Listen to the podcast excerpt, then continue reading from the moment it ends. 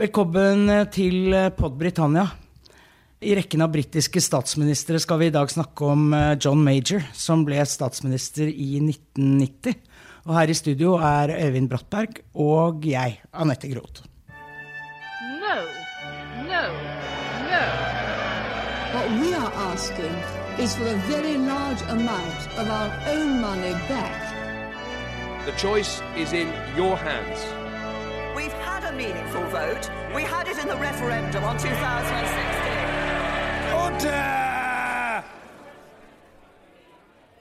Ja, Øyvind, eh, han var ikke en helt typisk britisk statsminister, eh, John Major.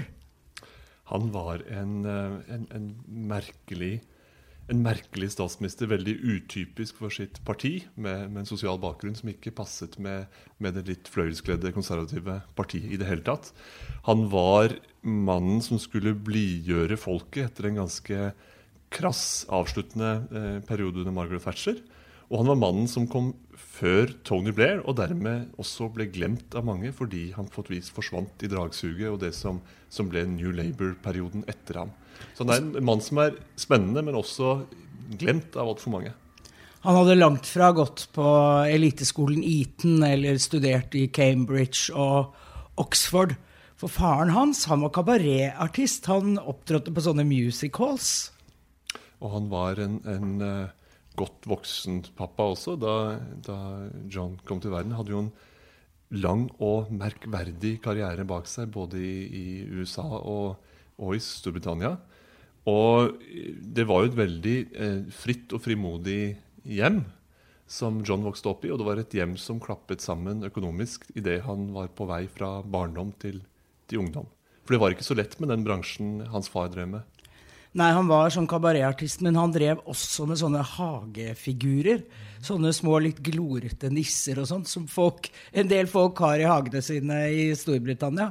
Og det var vel den, eh, den industrien det gikk dårlig med. Så han ble født i Surrey, det var der han eh, begynte, John Major. Eh, men så flyttet de til Brixton, ikke akkurat overklasseområdet.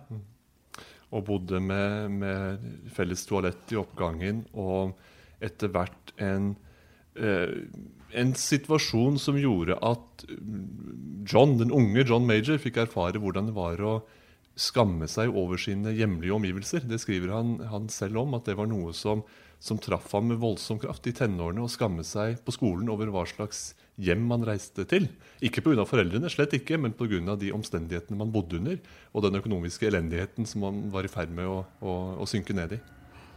Han eh, begynte jo den eh, politiske karrieren i Brixton, så vidt jeg vet, i The Young Conservatives der. Og ble jo da interessert i politikk. Men han hadde også en vanlig jobb før han ble politiker. Han jobbet vel i forsikring? John Major jobbet i forsikring. Og eh, i den lange, lange rekka av britiske statsministre som har vært på enten Oxford eller Cambridge, de fleste har, har Oxford-bakgrunn, så er John Major et avvik. Han var ikke på Oxford, han var slett ikke på Cambridge. Han tok eh, brevkurs som eh, bankfunksjonær, rett og slett.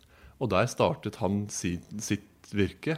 Og det gjorde han jo fra omstendigheter som var På et vis er det jo noe ektefølt eh, konservativt, også det å være sin egen lykkes med. Det kan man, jo, kan man jo si. Men samtidig var det jo omgivelser og et liv som gjorde at, at, John Major ble uvanlig opptatt av klasseskiller. Uvanlig opptatt av det å finne sammen på tvers av ulike sosiale lag og ulike, uh, ulike etnisk bakgrunn også. London, indre by, gjør noe med deg. Uh, det gjorde det åpenbart med, med han. Han traff også innvandrermiljøer på et veldig tidlig tidspunkt. og kom med et annet sett ideer uh, inn i, i politikken enn det i hvert fall det meste av det øvre sjiktet i partiet ellers eh, var utstyrt med.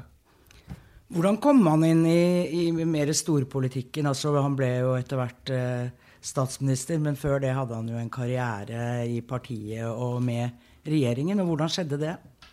Han var jo lenge lokalpolitiker i, i London. Og idet han, han kom inn i parlamentet og ble en del av den konservative parlamentsgruppa på 80-tallet, så så stilte han jo langt bak i køen som en, en, en vennlig sjel. men ikke en person man la veldig mye merke til. Han var et, sånt, et, et blidt ansikt fra London med noen uvanlige ideer, og det var stort sett det man regnet ham som. Men så kom det jo en, en flodbølge kan man si, på slutten av Margaret Thatchers regjeringstid med utrolig mye intern rivalisering og, og storkanoner som enten gikk selv eller fikk fyken. Og i løpet av de to avsluttende årene under Margaret Thatcher, fra 19, 1988 til 90, så hoppet Major fra tue til tue. Og plutselig var det han som sto der som arvtaker den dagen eh, Margaret Thatcher ble, ble, presset ut. Men akkurat denne prosessen husker nok du eh, mer av enn hva, enn hva jeg gjør. Hvordan det kunne ha seg at for det første at Thatcher ble, ble, presset helt ut på klippekanten og måtte gå av. Og deretter at det var Major som, som kom inn i stedet. Ja, altså Det å stikke hverandre i ryggen i det konservative partiet, det er jo en øvelse de driver med stadig vekk. Og uenigheten om EU er heller ikke ny. Absolutt ikke. Sånn at det ble utrolig mye krangling og angrep på statsministeren og det var et par veldig upopulære vedtak på slutten av hennes regjeringsperiode som gjorde at også folket vendte seg mot henne. Du har kanskje hørt om the poll tax. Det var en Koppskatten, har vi ofte kalt den, fordi det var en slags eiendomsskatt som du la på hvert enkelt menneske. Sånn at f.eks. hvis du hadde en fattig familie med seks-syv stykker i leiligheten, i stedet for at leiligheten ble beskattet, så var det hvert menneske inni den. Det sier seg selv at det var ganske urettferdig, og det, det skjedde eh, Det var mange store demonstrasjoner mot den, og det var en av de tingene som, som uh, satte spikeren i kisten hennes. Men så var det også selvfølgelig det at hun ble angrepet fra absolutt alle kanter. Og det var nok flere som ville overta, men Major var en slags Han var jo en sånn litt unnselig type, egentlig. Sånn at han var ikke noe sånn uh, som sto der i første rekke, egentlig, men han ble det. Og så vidt jeg vet, så var han også um, Margaret Thatchers uh, valg som uh, etterfølgeren. Sånn at det talte nok også. Kanskje var uh, Major hennes foretrukne valg også fordi hun antok at han var formbar på et vis, at han kunne påvirkes. Og det i motsetning til det som var hennes egentlige rival, Hesseltine, Michael Hesseltine. For det var, de var jo på en måte den hans, kandidaten som sto i spissen for å ta over, men så ble han skubbet ut, og Major skubbet inn. Var det kanskje også en reaksjon som handlet om at nå har vi vært veldig harde i klypa som har gitt eh, statsministeren fyken. Nå skal vi i hvert fall ikke ta inn hennes argeste rival. Nå får vi finne et kompromiss i stedet. Var det en sånn tanke også, tror du? Det tror jeg nok. Og Hesseltine de var jo veldig forskjellige typer. Den sånn elegante, litt overklasseaktige Michael Hesseltine. Og da den ordinære John Major. Eh, og jeg tror nok de kan ha tenkt at han vil være en uh, mer samlende figur enn en Michael uh, Heseltine. Absolutt. Mm. Og han gjorde jo noen ting da i begynnelsen av sin statsministerperiode. Han fikk jo reversert den upopulære skatten, f.eks. Det ble lagt merke til uh, blant britiske velgere. Det var uh, thatcherisme med et menneskelig ansikt, var det man, man sa om major den første tiden. i alle fall, At her skulle man ha en som kunne slipe ned de skarpe kantene av, av markedsliberalismen og være en som forente folk istedenfor å splitte folk. Lyktes han med det? Ja, I begynnelsen så gjorde han jo det. Og det var På den tiden så hadde jo de konservative sittet veldig lenge ved makten. Og mange meningsmålinger pekte mot, uh, mot Labour, egentlig. Men uh, valget i 1992 det var det første valget jeg var med på i Storbritannia. Og da klarte altså John Major å få rent flertall. Mot alle odds. Det var ikke noe stort flertall. Men han klarte det. Og det eh, tror jeg var fordi Labour ennå ikke var valgbart nok. Eh, det var nok én grunn. Men også det at han hadde fått til noen ting sånn som denne skatten, og fått bort det at han at det begynte å avtegne seg noe positivt rundt ham. Men så gikk det jo gærent igjen, da. Det valget i 1992 er det, det er det i alle fall mange som har glemt, fordi eh, John Major, Major gjerne settes i, i båsen som en mislykket statsminister. Han tapte med forferdelige eh, tall. eh, Valget i 1997, da Tony Blair kom inn og, og New Labour overtok regjeringsmakt. Men i 92, som du sier, så var det jo det var et fantastisk valgresultat. 42% og høyere stemmetall enn de konservative noensinne hadde hatt i antall hoder som stemte for dem. Var det en overraskelse? Ja, det var det. Eh, som sagt, jeg var der og jeg dekket det. Og vi trodde det skulle bli veldig jevnt. Vi trodde det skulle bli et såkalt hung parliament uten eh, at noen av de to store partiene fikk flertall. Det var vel det det mest eh, gikk mot. Sånn at ja, da han vant såpass klart, så må jeg si at det var ikke bare jeg som var overrasket. Det var mange som var eh, overrasket over at han kunne ta en sånn eh, valgseier. Det, det var jo samtidig slik at selv om resultatet var godt, så fikk han ikke det store parlamentsflertallet som en sånn valgoppslutning kanskje skulle tilsi. Ja, de hadde et, faktisk et ganske knapt flertall i, i Underhuset. Jeg tror det var 21 eller noe sånt. Og det, de falt fra eh, i tur og orden, en del av, en del av de etter hvert, som, som eh, problemene oppsto i parlamentsperioden. Men han hadde trengt et større flertall, fordi det første han gikk inn i, var en debatt som vi ser et ekko av i brexit-prosessen i dag, nemlig oppgjøret om Maastricht-traktaten. Hvorfor ble det så inni granskauen vanskelig for det konservative partiet, om for Major som statsminister? Nei, Det er jo det at det konservative partiet Veldig mange av dem har, eh, signal, hadde signalisert lenge at et enda mer føderalt EU, det ville de ikke ha. Og denne Maastricht-avtalen var sånn at eh, de mente at det ville føre til en, en enda fastere tilknytning til EU. Sånn at men det Major klarte, var jo å forhandle frem noen unntak fra, fra avtalen for Storbritannia.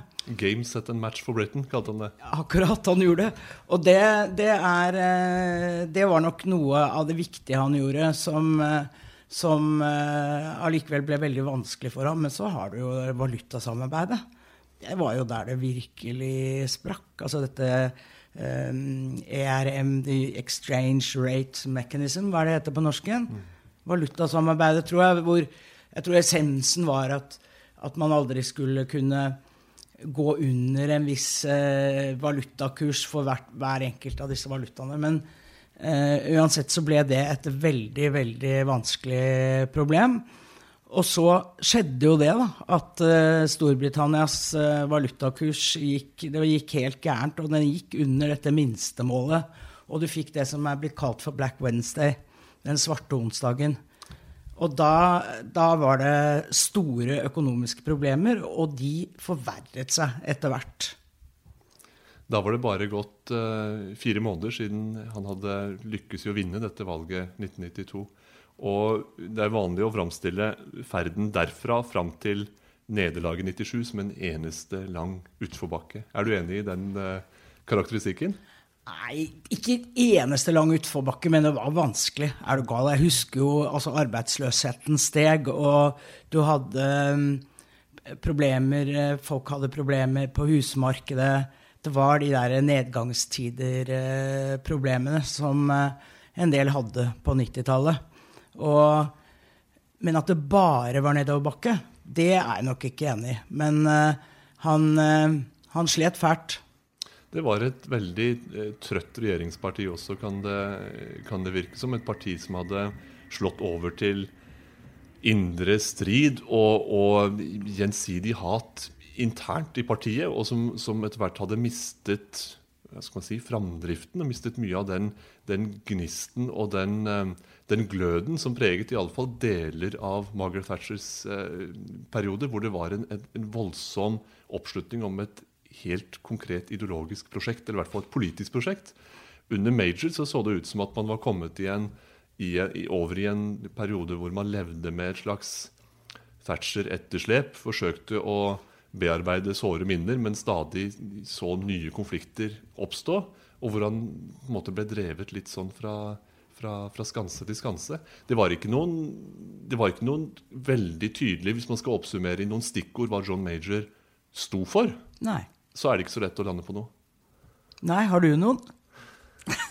Det var jo ambisjonen om, om å tilby noe som var fortsatt var tufta på Thatchers ideologiske utsyn, altså en, et, et markedsliberalt Storbritannia, men samtidig et hvor like muligheter for alle faktisk kunne realiseres. At man skulle komme nærmere en sånn eh, vi, er, vi tror alle på markedet, og vi skal gi alle en sjanse-type visjon.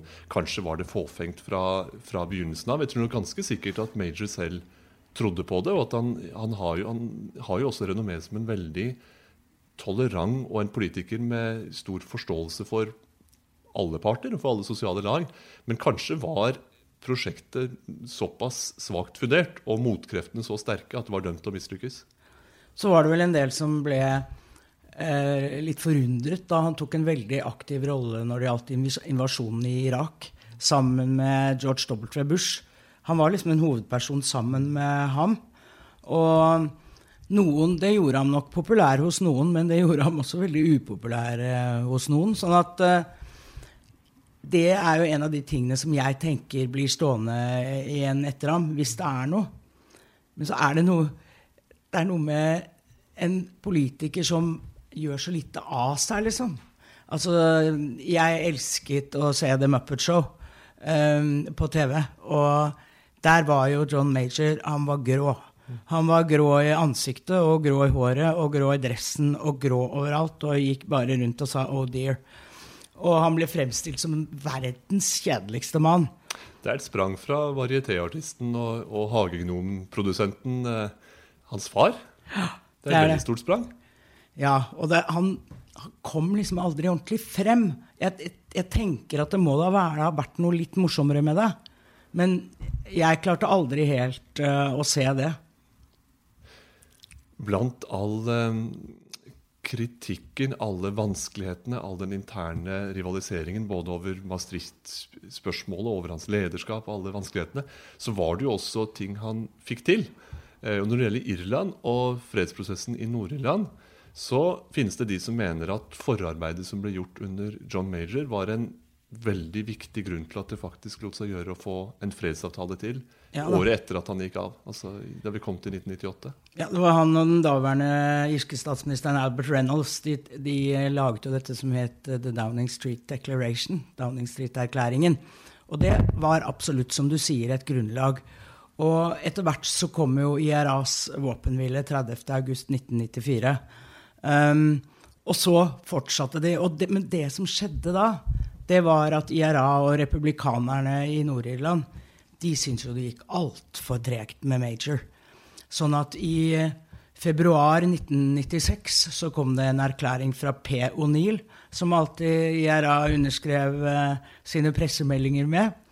Og der sto det at nå uh, fra i dag av så vil vi ikke lenger ha våpenhvile, og vi legger all skylden på John Major og hans regjering, som ikke følger opp dette her. Sånn at du kan si at innledningen var kanskje positiv, men uh, så smalt det igjen, da. Og jeg husker jeg skulle til Paris den helgen på en privattur og måtte jo bare avlyse alt, for bomben gikk av i The Docklands. Uh, en svær bombe, og da var våpenhvilen slutt. Og da la de altså skylden på Major og sa at han trekker beina etter seg, og det går så treigt. Og her har vi gått til våpenhvile og virkelig gjort en innsats for å skape fred i Irland, og så somler han. Så det var ikke bare vellykket. Ikke bare, ikke bare vellykket. Hvis man skal um, løfte fram Major i lyset i den skvisen han står mellom Margaret Thatcher, som kom før ham, og Tony Blair, som kom, som kom etter ham, er det noe ved Majors periode, på et vis, den tidsånden, som er annerledes fra det som kom før og det som kom etter? Det er jo store sprang i alder mellom disse statsministrene. Han var vel en 17 år yngre tror jeg, enn Margaret Thatcher. Og så var han selv eh, år eldre enn Blair. Så det er noen veldige, veldige byks i alder og livsbakgrunn. Men var Major en veldig annerledes person, og var perioden hans på et vis preget av en annen tidsånd? Jeg ser jo på ham som en mann uten de store prosjektene. Før ham så hadde du Margaret Thatcher med med, som solgte council houses, altså kommunale boliger, sånn at folk skulle bli selveiere og hadde det som en stor tanke. Bare ett eksempel, da. Men uh, så hadde du Blair, som kom etterpå, som kalte sin politikk the third way, den tredje vei. Han hadde også helt klare klare vyer. Og det husker jeg da han ble valgt i 97. Så ble det jo nettopp sagt at her kommer det en som i likhet med Margaret Thatcher faktisk har en idé og vet hva hun vil. Og vet hva han vil. Og, og mm, mellom dem, Major, vet du hva han ville? Det er, egentlig er det litt karakteristisk for, for perioden hvor han regjerte også, tenker jeg. De tidlige 90-årene, umiddelbart etter den kalde krigens slutt. Um, litt vanskelig å sette noen diagnose på hvor verden var på vei, og hvor mange europeiske samfunn også var på vei. Det var litt sånn, sånn Nå eh, hviler vi litt på årene og ser hva som kan skyte fart etter hvert. Og det er jo noe av det som er litt eh, påfallende med Majors periode også. at han han driver på en måte med, driver litt rundt på vannet. Og det dreier seg altså om, om seks og et halvt år. Men det er vanskelig å ha noen klar formening om, om så mye han satte fart i. Det var mer at det foregikk en del ting, ikke minst utenriks, men uten at det var veldig tydelig hva Storbritannia skulle bli, verken utad eller innad. Og så skyter det fart på ny med, med Tony Blair fra 1997. Nå er han eh, jo eh, blitt eh, 76 år, tror jeg, eh, etter hvert. Men han holder faktisk taler ganske mange steder fremdeles. Og jeg leste akkurat i dag at han tar 25 000 pund for et foredrag.